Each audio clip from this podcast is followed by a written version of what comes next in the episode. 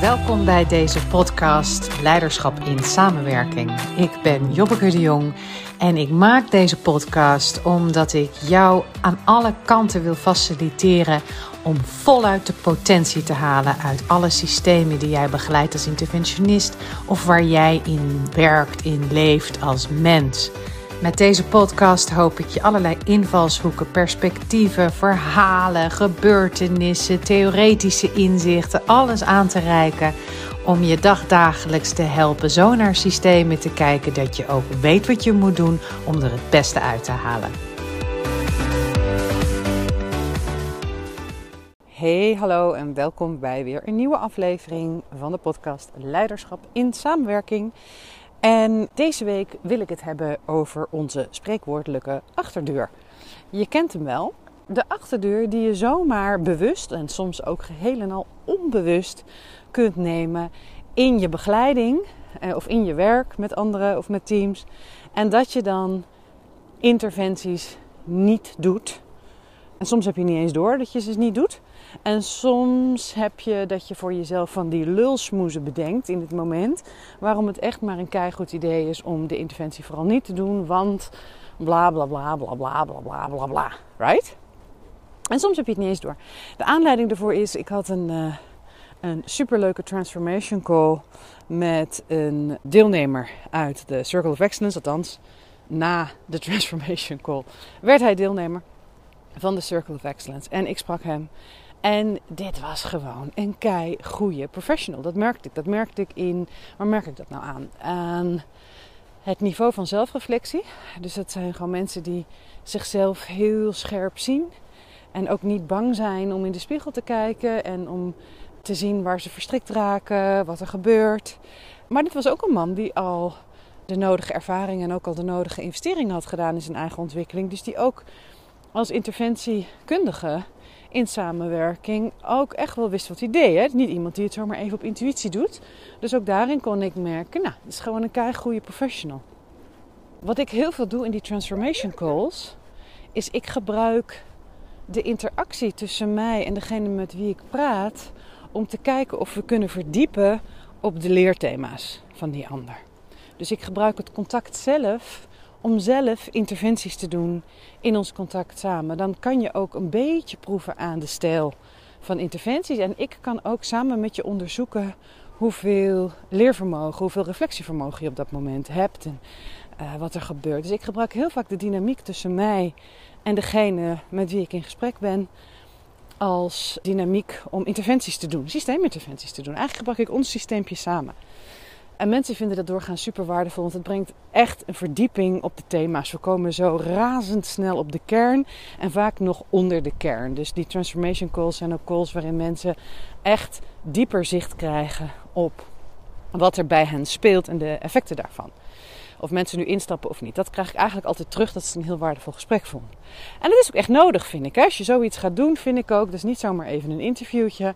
Ik vind ook aan de voorkant dat we samen echt stevig kijken of de circle bij jou past, ja of nee. Anyway, deze man. Ik merkte gedurende de call dat ik wat lui werd. Ik ging wat achterover leunen. Ik uh, liet hem lekker, want hij was zo lekker bezig. En ik merkte aan mezelf dat ik eigenlijk onze dynamiek helemaal niet gebruikte om een interventie te doen. En ik dacht ook, hè, dus dit was mijn lulsmoes. Ik dacht ook, dat is ook helemaal niet nodig. Want hij, hij doet het zo goed. Alleen, dat hij heeft mij ook helemaal niet nodig. En dat had ik precies kunnen gebruiken als interventie. En, uh, en later deed ik dat ook. Maar zo heb ik eigenlijk gewoon, denk ik, nou, de helft van het gesprek voorbij laten gaan. Waarin ik echt wel vragen heb gesteld. En hè, we echt wel uh, met stappen gekeken hebben. Maar waarin eigenlijk het contract was dat hij leidt en ik volg. En dat kan een prima contract zijn, maar niet in een transformation call. Ik had me echt laten verleiden om me te laten leiden. En ik werd er een beetje lui van. En dat merkte ik. Hey, ik word hier een beetje lui van. En op een gegeven moment dacht ik, ja, nu moet ik toch echt eens even wakker worden, de jong. Hier zitten we niet voor. Peper erin. Dus hoppakee. En toen deed ik wel een interventie. Maar ik had dus eigenlijk al de helft van de, van de call ja, niet voorbij laten gaan. Echt niet. Want het was echt een engaged gesprek. Maar ik had niet de spanning opgezocht waarvan ik weet dat die veel meer effect heeft. die was ik een beetje uit de weg gegaan. En, uh, en toen we die eenmaal boven water hadden, dus toen ik hem dat begon terug te geven, ik zei nou, ik merk dat ik het eigenlijk helemaal prima alleen kan doen. Ik merk ook dat ik, uh, ik word er een beetje lui van. Als ik jouw team zou zijn, zou ik jou lekker laten werken, want je hebt het toch allemaal goed voor elkaar. Dus ja, prima eigenlijk. Is het iets wat je herkent? Nou, bam, ja, meteen. Zeker. En ook het alleen doen. Nou, en vanaf dat moment kwamen we echt op de kern te werken samen. En ik denk dat dit voor een heel aantal luisteraars een hele bekende dynamiek is, toch? Je bent zo goed, je bent zo professional. Iedereen denkt, jeetje, hoezo jij? Je bent zo gaaf, zo goed, waarom zie je dat zelf niet? En uh, et cetera. Dat hoor ik heel vaak van professionals op dit level. Dat de omgeving ook niet ziet waar ontwikkeling voor hen nog mogelijk is, maar dat ze dat zelf wel zien. En dit gebeurt met teams ook. Ken je dat? Dat je je een beetje in slaap laat wiegen door de dynamiek. Dat je eigenlijk onbedoeld. Ja, wat er eigenlijk gebeurt is dat je van je gecentreerde plek afgaat, denk ik.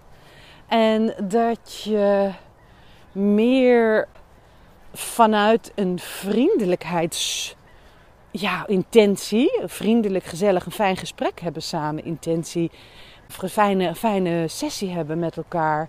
Dat je vanuit die intentie ineens als begeleider erbij bent. In plaats van dat je ook vol jezelf ja, gereguleerd, hè, dat is dan een beetje de, de vaktaal ervoor, dat je jezelf gereguleerd hebt naar de plek waarin je ook gewoon confronteert. En dat is niet hetzelfde als de vriendelijkheidsplek. Dus dat je gewoon uh, wakker bent en dat je kijkt naar de dynamiek. En dat je voortdurend alert bent op de dynamiek en de patronen in de dynamiek. En dat je die gewoon teruggeeft. Of ze jou nou aardig vinden of niet. Of ze jou goed vinden of niet. Of ze jou professioneel vinden of niet. Dus van al dat soort dingen onthecht je je. En je hecht je eigenlijk alleen nog maar aan het contract waarvoor je daar zit. En dat is dat je zo jezelf opstelt en jezelf zo inzet dat je een leerproces faciliteert. Dat is tenslotte het contract ook wat je bent aangegaan. En natuurlijk doe je dat wel op een vriendelijke manier, want anders heeft het ook geen zin. Maar wel confronterend en helder. Dat is namelijk super effectief als je dat kunt doen. Maar ja, om jezelf voortdurend op die plek te houden, dat kost best wel wat energie. Dat, is niet, uh, dat gaat niet vanzelf. Hè? Dus het hard werken als interventionist zit hem niet in de klus klaren voor het systeem en directief worden en regelen dat het gebeurt of het oplossen van gedoe. Dat is niet, hè, daarin, daarin mag je helemaal ontspannen. Maar het harde werken zit hem erin dat je alert blijft en wakker blijft. En dat je je, je kwaliteit van aanwezigheid op de hoogste level mogelijk brengt. Dat je, dat je super scherp bent in je waarneming op alle levels. Met je ogen, met je oren, met je buik, met je hart. Hebben we nog meer? Maar goed, I think you get my point. Het harde werken zit hem in your presence en je bereidheid iedere keer om spanning op te zoeken in de interventies. En iedere keer als je een interventie doet, loop je een mini-risico op de relatie. Want je gaat de ander natuurlijk iets spiegelen. Of je gaat het systeem als geheel iets spiegelen. Iets wat ze misschien niet zo makkelijk vinden om onder ogen te zien. En dat kan consequenties hebben voor hoe leuk ze jou vinden op dat moment. En de kunst is om hier niet voor ze te gaan zorgen. Want dat helpt niet als het doel is om autonomie te ontwikkelen. De kunst is ook om ze niet te ontzien. Want dan ben je eigenlijk voor ze aan het zorgen. De kunst is ook om het niet op te lossen, want dan blijven ze nog steeds afhankelijk van je. Dus snap je, al dat soort normale paden die we normaal inslaan, die helpen allemaal niet. Het enige pad dat helpt is dat je bezig blijft om een leerproces te faciliteren. En dat je dat zo goed mogelijk op gang brengt. Op een manier die past bij het systeem waarmee je werkt. Of het nou een team is of een individu is. Want dan hoef je ook geen achterdeuren meer te nemen. Als ik mijzelf bewust onthecht van dat ze mij leuk of professioneel of goed of resultaatgericht of whatever, wat ik dan ook maar belangrijk vind. Als ik me daar allemaal van onthecht, dan ben ik ineens vrij om te doen waarvoor ik ook betaald word. En dat is een leerproces te faciliteren.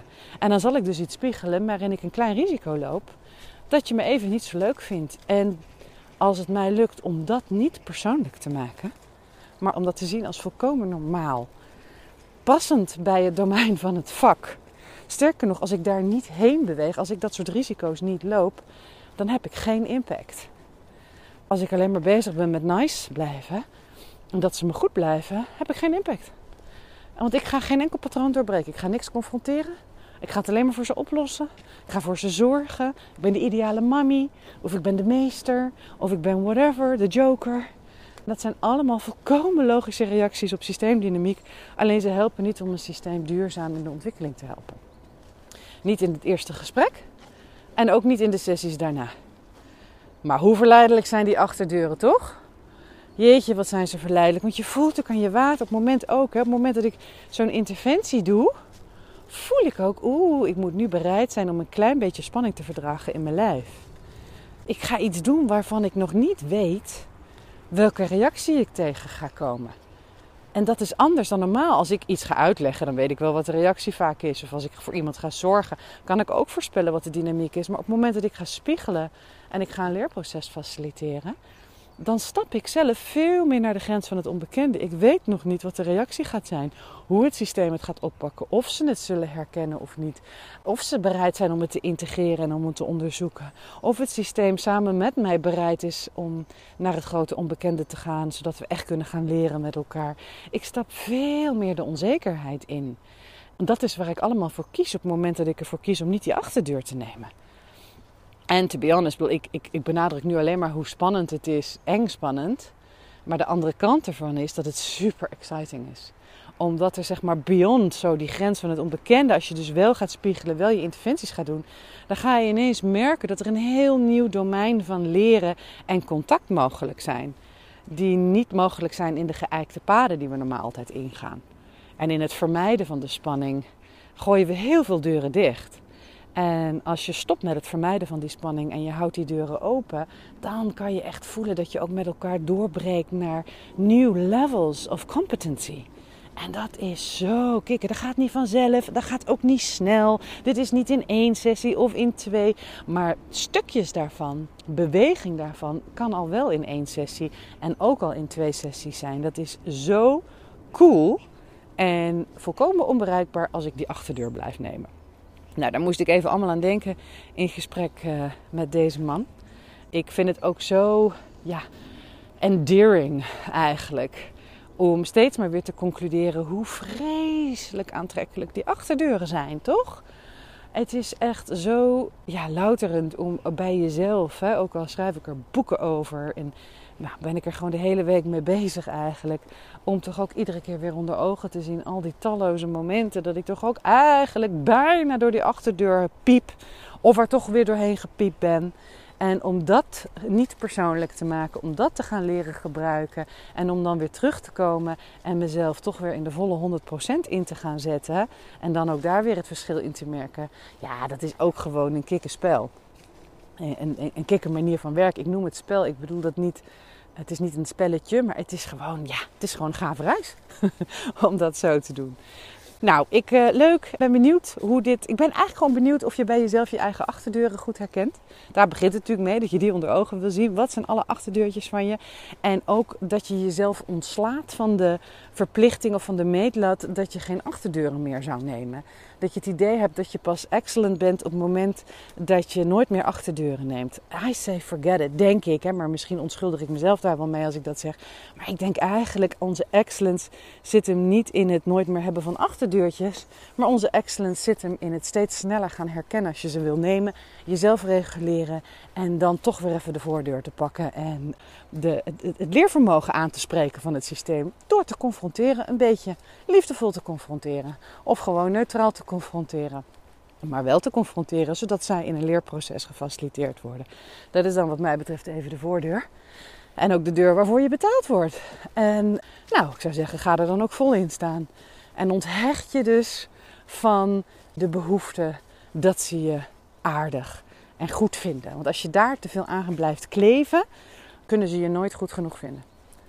Dat is de paradox. Als je gekleefd blijft aan dat ze jou vooral aardig en goed genoeg, it'll never, dat zijn zwarte, grote, gapende gaten die nooit gevuld kunnen worden. Met dat deel van jezelf kan je ook nooit de impact hebben oh, om je daadwerkelijk goed te vinden. Ze zullen je wel heel leuk vinden, of, hè, maar jijzelf, voor jezelf is dat vaak op een gegeven moment onbevredigend. Omdat je merkt dat je een heel register laat liggen.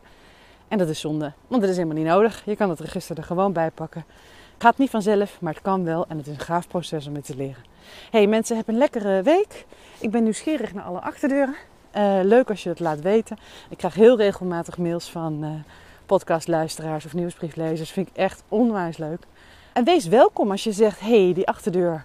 En daar een next level in bereiken. Met dat onthechten. Ik wil daar wat mee. Wees welkom in een transformation call, zoals deze man uit deze podcast. Of kom een online masterclass volgen of een one-day workshop. Allemaal helemaal welkom en dan kunnen we kijken welke voordeur voor jou het meeste impact heeft. Hey, heb een lekkere week. Bye bye. Dit was de nieuwste aflevering van de podcast Leiderschap in Samenwerking. De podcast voor teamcoaches, organisatiecoaches, consultants, leiders, kortom iedereen die samenwerkingsprocessen faciliteert in organisaties.